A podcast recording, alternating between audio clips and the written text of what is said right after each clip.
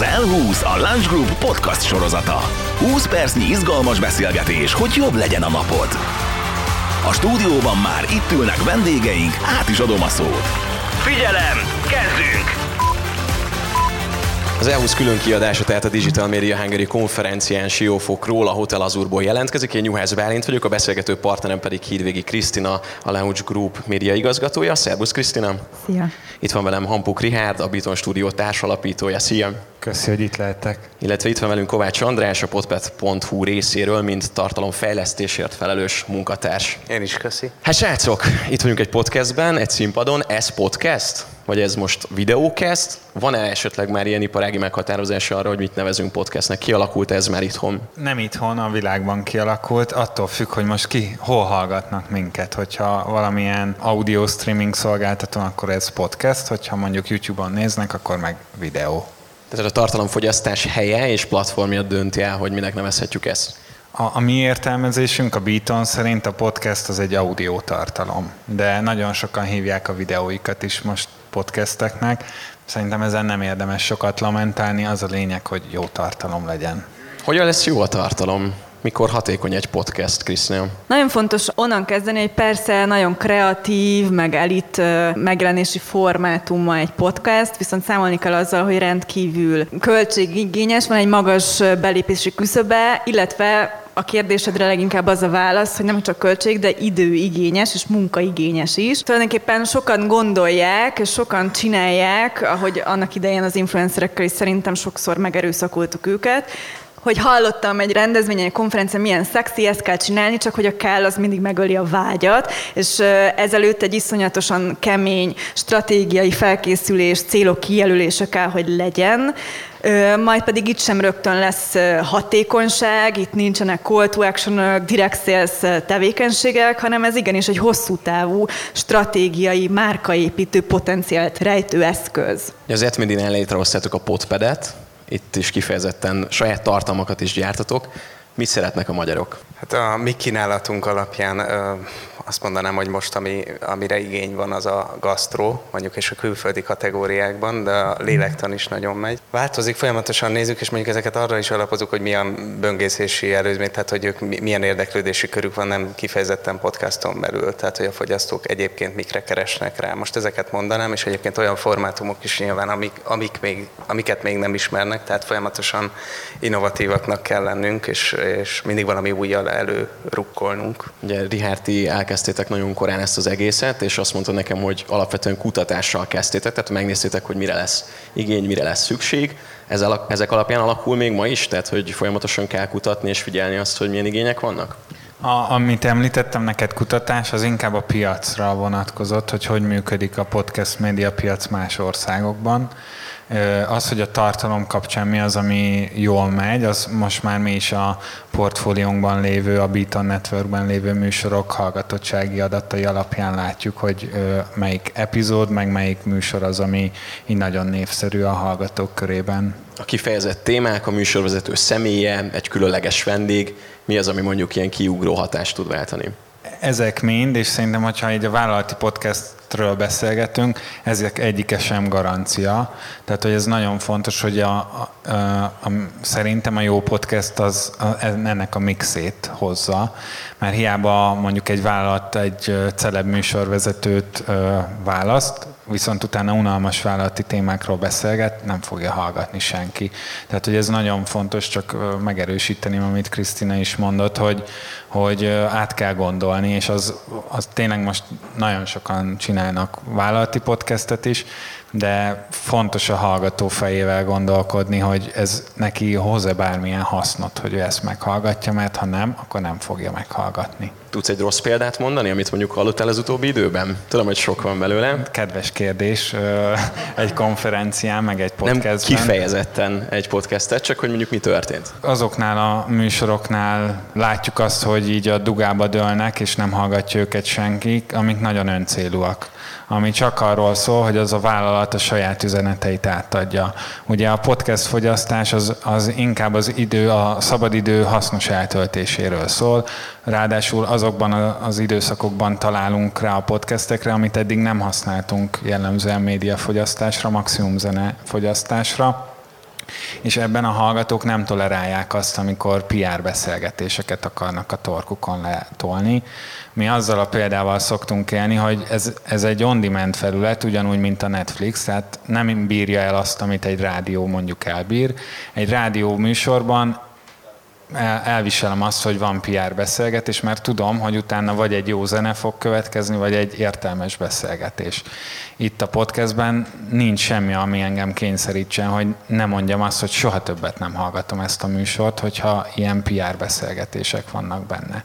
És ezért azt kell megtalálnia minden vállalatnak, hogy mi az a hasznos tartalom, ami a hallgatónak is hasznos, és képviseli a vállalati célokat, és a vállalati üzenetei megjelenhetnek benne. De ha csak a vállalati üzeneteit szajkozzuk, akkor biztosan nem fogják hallgatni. Úgyhogy ezek a rossz példák. Annyiban csatlakoznék, hogy még rosszabbat tudok mondani, és akár a saját kínálatunkban, de inkább akkor nem nevezem meg. Szektorok között is ugrál, tehát nem dedikáltan egy szektornak vagy, vagy vállalatnak készített podcast esetén is ugyanez van, amit Richard mond, hogy hogy ettől már reklámszagú, és a, ugye pont elveszíti a lényegét, így kasztrálják a, a, azt, hogy a podcast mitől jó. Nem szeretnék ezekkel a, a, az üzenetekkel végig találkozni, úgyhogy PR beszélgetések jönnek epizódról epizódra, mindig másik vállalattal, és lehet, hogy mindig másik szektorral, de mondjuk rovatokra, tehát akkor azt nem mondanám, hogy PR nem, hogyha tényleg szépen tud illeszkedni, és, és magához a podcast az, aminek van egy karaktere, és nem az a karaktere, hogy ide bárki jöhet és beszéljünk arról, ami neked fontos. Ez, ez engem sem érdekel, és szerintem a legtöbb embert nem, vagy ahhoz nagyon nagy névnek kell lenni, és nagyon jó kérdezőnek, és szakmai újságírónak, de ez így önmagában, ez nagyon-nagyon elrontja, tehát ettől nem lesz keresett, és, és hiába pont nem azt kapja meg a vállalat, amit, amit szeretné hosszan. Úgyhogy azt mondom, hogy ilyen 10%-ában legfeljebb, tehát 3-5 perceket a, a az ideális epizód hoznak, azt lehet annak szentelni, hogyha tényleg szépen illeszkedik hozzá. És mondjuk egy hirdetést elhelyezni egy ilyen vállalati podcastben, az mennyire oké, és mennyire fogadják a hallgatók? Van esetleg ebbe ilyen kategorizálható, hogy ez a fajta hirdetés működik? Az a tapasztalat, hogy ugye, ahogy itt már az előttem szólók mondták, hogy egy olyan háttértevékenység zajlik, amikor kognitív funkciókra, aktív figyelemre nincsen szükség, és mindeközben ugye ez egy olyan on-demand, meg on-the-go formátum, ami hihetetlenül magas benne a fogyasztói bizalom. És ez azzal párosul, hogy iszonyos, tehát nagyon relevánsnak érzi érzik, nagyon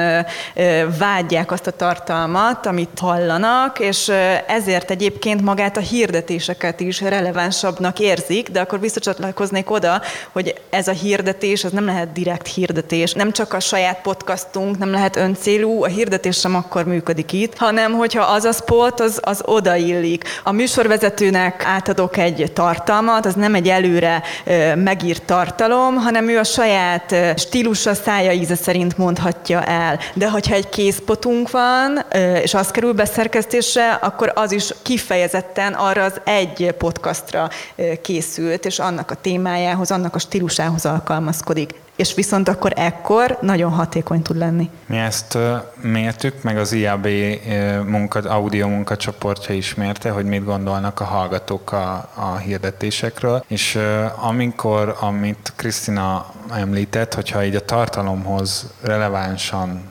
hozzátartozik, illetve érti a hallgató, hogy ez azért szükséges, hogy ő hallgathassa a hasznos tartalmat, akkor több mint 80%-át a hallgatóknak nem zavarja, hogy van, be, van hirdetés a podcastekben. A Podpad létrejötte ez valamilyen szinten ezt szolgálja, hogy mondjuk el tudjunk helyezni hirdetéseket egy kedvenc epizód előtt? Igen, tehát hogy nálunk az előny, hogy van kampányidőszakra tudunk inzertálni spotokat, nem kell minden egyes hirdetést ugye beégetni, nem maradott, tehát tudunk aktuális üzenetet is közvetíteni podcastban, viszont itt még a mi eléréseinkkel meg ugye eleve inkább csomagban ajánljuk, hogy hatékony legyen. A hátrány is azért mondom, hogy tudunk így magunk ellen beszélni, hogy azért az a minőségi, tehát a beégetett üzenet, amivel nem tudunk aktuális üzeneteket úgy közvetíteni, mert most példa egy tegnapi beszélgetésből, és akkor a, egy, ez egy bitonos példa, a Volvo esetében három évvel ezelőtti modellt ugye nem fogunk szívesen hallgatni, hogy most melyik jött ki, vagy öt évvel ezelőtt itt, de az adott podcastnek az elérése folyamatosan nő, egyre több emberhez jut el, viszont az, hogy Volvo, Volvo, Volvo, az meg folyamatosan menni fog. Tehát Ez egy kicsit vitatkoznék csak, mert lehet dinamikusan olyan hirdetést be, beilleszteni, ami nagyon autentikus és kampányt támogat, tehát mondjuk a Volvo aktuális modelljét, ez a Host Readed és hogy például a mi portfóliónk ez, ez, ez az egyik legnépszerűbb formátum, ahol van 32 podcastünk, annak 32 podcastere, és ők mondják el a saját szavaikkal a kampányüzenetét. És ezt dinamikusan betesszük, kitesszük elején, közepén, végén. És ez az, ami a legértékesebb felület, hogyha ilyen kampányban gondolkozunk, amit megemlített Andris, az meg szponzorációban tényleg az, a, az említett példa, három évvel ezelőtt bekerült a felforgatókba a Volvo, mai napig, ha meghallgatja azokat az epizódokat valaki, akkor találkozik vele. Igen, de szerintem ez nem zárja ki. Tehát, hogy a host reader ugyanúgy lehet nem aktuális üzenetet is, tehát attól még persze. A vállalatok itt is megjelennek a podcastben, nem csak úgy, hogy ők gyártatják, hanem hogy szeretnének hirdetni, vagy ahogy mondtuk, ugye megjelenni benne. Mennyire nyitottak ők, mennyire keresik ezeket a lehetőségeket, vagy mennyire kell őket meggyőzni arról, hogy légy itt egy podcast, szerintem ti jók lennétek hozzá, csináljuk. Szerintem még korai fázisban vagyunk, tehát hogy még most az edukáció az, a, ahol, ahol, amire a legnagyobb szükség van a piacon. Mindenki így ismeri már a kifejezést, meg így izlelgeti, hogy mi ez, meg szeretnének tényleg sokan podcastet, de még, még a fogást keresik a márkák sok esetben, hogy akkor ehhez hogyan érdemes hozzányúlni mindig megvan az a hirdetői kör, ügyfélkör, akiket nehéz rávenni újításokra, hirdetési aspektusokból fejlesztésekre, de nyilván megvannak azok a körök is, ahol mindig rákapnak a legtrendibb, legújabb hirdetési lehetőségekre, és itt nagyon fontos megtalálni azt, amiről már beszéltünk, hogy, hogy ha saját podcast van, vagy ha nem is, akkor is készítsük fel az ügyfeleket, hogy azért ez egy specifikus megjelenési és kommunikációs formátum. Itt tényleg nagyon nagy erőforrásokról van szó, munkaerő ben, büdzsében, és egy hosszú távú stratégiát kell, hogy jelentsen. Igenis, hogyha olyan típusú megjelenésről beszélünk, amikor teljesen mindegy, hogy dinamikus vagy beégetett, akkor is az adott tartalomhoz illeszkedő egyedi eseti hirdetést kell gyártani. Milyen hosszú táv ez a hosszú táv? Mit látok például, Ricsi, hogy hány évadra kell tervezni? Két év, három év, mire beég egy podcast mondjuk, vagy befut? Van ennek esetleg így látszódó adatom? Hát ugye itt két, két irányból közelítenék. Egyfelől van a dinamikus kampányok, ott meghallgatást vásárolnak a hirdetők, tehát hogy azt mondják például, hogy 100 ezer meghallgatást szeretnénk, az viszonylag hamar kipörög. Most nálunk havonta ilyen 600 ezer meghallgatást generál a portfólió. A másik viszont a szponzoráció. Ott, ott nálunk az az ökölszabály, hogy minimum 6 epizód az, amit egy márkának támogatnia kell ahhoz, hogy beengedjük, és ennek az az oka, hogy nem akarjuk, hogy minden epizódban más márka legyen, mert abban hiszünk, hogy pont az építi a márka reputációját, meg, meg támogatja az ő kampánycéljait, hogyha hosszabb távon van. Ez ugyanaz egy kicsit, mint az influencereknél, hogyha az influencer, akivel együtt dolgozunk ma a Pepsi-t posztol, holnap meg már a Coca-Colát, akkor ez egyáltalán nem hiteles. De magának a podcastnak a hitelességét is. Így van. Így van, Szerintetek el fog válni mondjuk a professzionális podcast készítés az amatőrtől, vagy ez már most is látszódik? Mert talán ez higítja fel egy kicsit, nem? Hogy van, aki mondjuk telefonnal is készít egy beszélgetést, és már rádobja, hogy podcast, illetve vannak, akik, hát nem tudom, hogy mennyi pénzt, és akkor ebbe az irányba szeretnék elmenni, hogy mennyire költséges egy podcast gyártás, hogyha profi stúdió körülmények között csinálja az ember költségek részt majd Richardnak átengedném, de szerintem ez folyamatosan történik, és, és elválik, igen. Ez talán az kell, hogy megmutassuk, lássuk, hogy mindenki lássa, hogy melyik podcastot hányan hallgatják. Tehát, hogy, hogy nagyobb alázattal kell a tartalomgyártóknak hozzáállni a podcast készítéshez, a technikai oldalhoz is, és, és a tartalmihoz is. Tehát ö, igazából elég öncélúak azok a podcastok, és, és meg is látszik rajtuk, amelyik kevésbé keresettek, vagy nem generálnak nagy eléréseket. Én nekem nincs ilyen nagyon fétisem ebben, tehát hogy szerintem mind a kettő szereplőnek van helye a piacon. Tehát az amatőr is, amatőr műsor készítő, és ez alatt azt értem, hogy nem fizetést kap azért, hogy műsor gyárt. Őnek is van helye, hogyha az egy jó és releváns tartalom, és a mi portfóliónkban is van olyan, aki amúgy egy te- teljesen nem a szakmából jövő, és az egyik legnépszerűbb podcastet gyártó amatőr podcaster, és nagyon-nagyon jó műsort csinál, és éppen ezért nem, nem mondanám azt, hogy csak a profiknak van itt hely, nem, csak annak van hely, aki tud a hallgatók fülével vagy fejével gondolkodni. És akkor a podcast gyártás, hogy mennyire drága, hát lehet iPhone-nal is készíteni műsort, és az viszonylag olcsó, meg lehet komoly technológiát igénybe véve készíteni. Szerintem amúgy nem a technika a drága, hanem a szerkesztés és az a lévő humán erőforrás, és attól lesz igazából jó egy műsor.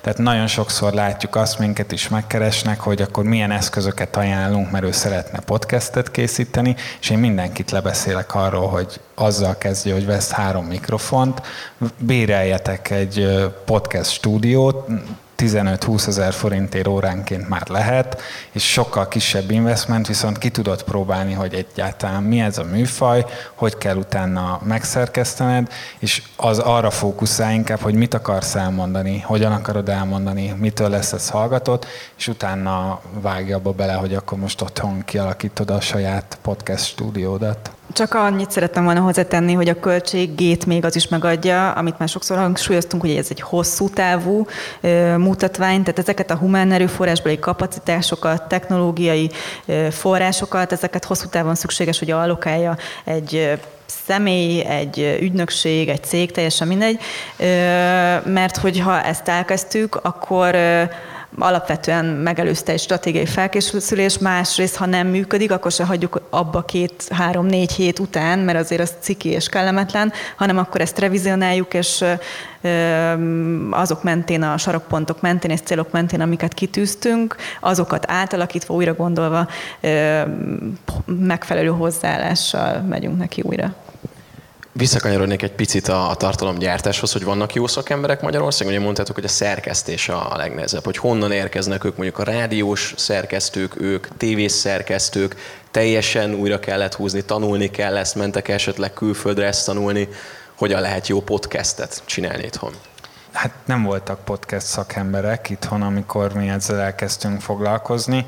Ez nehéz is volt, hogy honnan toborozzunk ilyeneket. Először adta magát, mi is a rádióval próbálkoztunk, viszont mivel nagyon kevés a magyar rádióban a, az ilyen talk show és beszélgető típusú vagy report műsor, ezért nem nagyon voltak ebben szakemberek, úgyhogy mi ahonnan találtunk, azok a tévés szakemberek, akik sokkal jobban értették ezt. Náluk viszont meg kellett tanítani azt, hogy ne úgy kezdjünk egy műsort, hogy nézzük meg, milyen szép ez az üveg a kezemben, mert azt nehezen fogja tudni elképzelni a hallgató, tehát hogy meg kell tanulni, hogy csak a hanggal dolgozzunk. És igen, mi, mi folyamatosan nemzetközi szakemberekkel is egyeztetünk, meg tanulunk tőlük, hogy külföldi producer vagy külföldi podcasterekkel, főként az amerikai piacról, hogy hogy hogyan, ők hogyan készítenek, és mi alapján műsorokat. Úgyhogy soha nem állunk meg a tanulással. Igen, igazából a, a, az alázat alatt én is inkább azt értettem, hogy a formátumra sokkal ö, több odafigyelést vagy energiát kell fordítani, és az legyen meg előbb, ez legyen a sorrend, és nem az, ahogy a Richard mondta. De valószínűleg tényleg ez a gyakorlat. Emellett az, hogy profi, nem profi, tényleg így vagy bárkiből lehet jó podcaster, a, a bárhogyan az még nincs meg, és szerintem ez, ez a bevett gyakorlat most, én tegnap is ezt mondtam egy beszélgetésen, hogy a, olyan szinopszisokat kapunk, mert hogy ezt eleve kérjük, az maguktól nem érzik az igényt, hogy megosszák velünk az ötletet, hogy, hogy valamilyen érdekes emberekkel fogok beszélgetni, de egy beszélgetős műsor lesz. Most tehát ezzel nem kerülünk közelebb ugye egy képhez, hogy egy podcastemben beszélgetnek, ez, ez még annyira nem konkretizálja, hogy miről lesz szó. Előbb kellene kitalálni, hogy, hogy mit szeretnénk csinálni. Egy pár gondolatot elmondanál a Podpadről, hogy nem féltek mondjuk attól, hogy ugye exkluzív tartalmaitok is vannak, amik csak ott elérhetők, hogy mondjuk azok az emberek, akik a Spotify-on vagy az Apple Podcast-ben keresnek, nem találják meg a ti tartalmaitokat. De. A Spotify-t egyébként használjuk már még csak egyes saját gyártású podcastek esetében terelőeszközként, úgyhogy nem, nem teljes hosszában feltöltött anyagokat jelentetünk meg a Spotify-on megnézzük, hogy ezekkel mi történik, mennyire, mennyire működik, mert attól még az egy teljesen más felület, mint a Podpad. Nagyjából a, a kínálatnak most a harmad az, ami saját gyártású, úgyhogy ilyen vegytisztán még nem fog előjönni az, és nem egy lábon áll, hogy nem fognak keresni minket. A felületet kedveljék meg, és utána ismerős tartalmakkal is tudnak találkozni. Az lehet egy kincs, egy egzotikus hely a, a heavy usereknek, hogy van egy, van egy Podpad nevű hely, ahol vannak olyan podcastok, amit még nem hallottam sehol. És szerintem ez lehet még az ereje, és fontos, hogy ezt az arányt tartsuk, hogy mennyi a saját, és mennyi a külsős. De ugye ti tervezitek, tehát hogy húzzátok be a, a podcast készítőket is a saját platformotokra. Hogy, tehát, hogy az amatőrök is küldhetnek be, amit igen, az előbb említettél. Hogyne, igen. Tehát a felületen működik is ez, hogy, hogy biztatjuk is őket, de van egy ilyen funkció, a Podpeden, ahol, ahol fel tudják tölteni jóvágyás szükséges, azért nem annyira automatizált, mint mondjuk egy Spotify esetében, hogy bár, bármit, és nem csak algoritmus, hanem mi is szűrjük a tartalmakat, egyeztetünk velük, de nyitottak vagyunk, hogy ne. És akkor ebbe húzzátok bele a vállalatokat hirdetői oldalról így direkt mi nem buzdítjuk, én inkább azt osztom, amit Richard is mondott, hogy, hogy, hogy ez még várni kell, árnyaltabb, hogyha, hogyha erre értetted. Szerintem még, még hogyha ennyi fórumon arról beszélünk sokat, hogy a podcastoknak még, még egy nagy felfutási ideje, és előtt, előtt állunk, és ez egy, egy rising star média típus, akkor nem kellene még az elején arra buzdítani a vállalatokat, hogy, hogy ők is kezdjenek ezzel úgy valamit, hogy kifelé szórakoztató műfajként gyártsanak podcastot. Megint más az, hogyha belső kommunikációra használják. Szerintem egy teljesen más funkció. Van ilyen vállalati felhasználás? Van. A vállalati felhasználásáról már nagyon kicsi időben egyet hagy emeljek ki. Szerintem a HR funkcióit érdemes kiemelni, hogy ebben óriási potenciál rejlik. Mivel márkaépítő, ezért munkáltatói márkaépítő lehetőségek is vannak benne, már a toborzásban és a megtartásban is, hiszen nagyon nagy lehetőség, hiszen ezzel szakértői lehetünk adott témának, anélkül, hogy önfényező tevékenységet folytatnánk benne. Tehát ezáltal potenciális munkatársak képet kapnak rólunk, értékeinkről, gondolkodásmódunkról egy trendi mai módon, ha azt jól csináljuk. Másfél a megtartásban pedig akár motivációs tényező is lehet a munkatársaknak lehetőséget adni arra, hogy itt megszólaljanak, és egyrészt ez motiváló annak a munkatársnak, aki ott megszólal, másrészt motiváló annak, aki hallgatja munkatársát ilyen pozícióban, hiszen büszke lehet, hogy ezen szakmai tudását ilyen fokon kinyilatkoztatja. Nagyon szépen köszönöm, hogy itt voltatok. Hát a 25 perc nem sok mindenre volt elég, de majd egy következő etapban ismét beszélünk a vállalati podcastekről és ezek kommunikációjáról. Az L20 podcast pedig egy hónap múlva jelentkezik egy újabb epizóddal, majd most éppen a Digital Media Hungary-ről Hidvégi Krisztina, Hampuk Richard, illetve Kovács András. Köszönöm, hogy itt voltatok. Köszi. Köszönjük, Köszönjük szépen.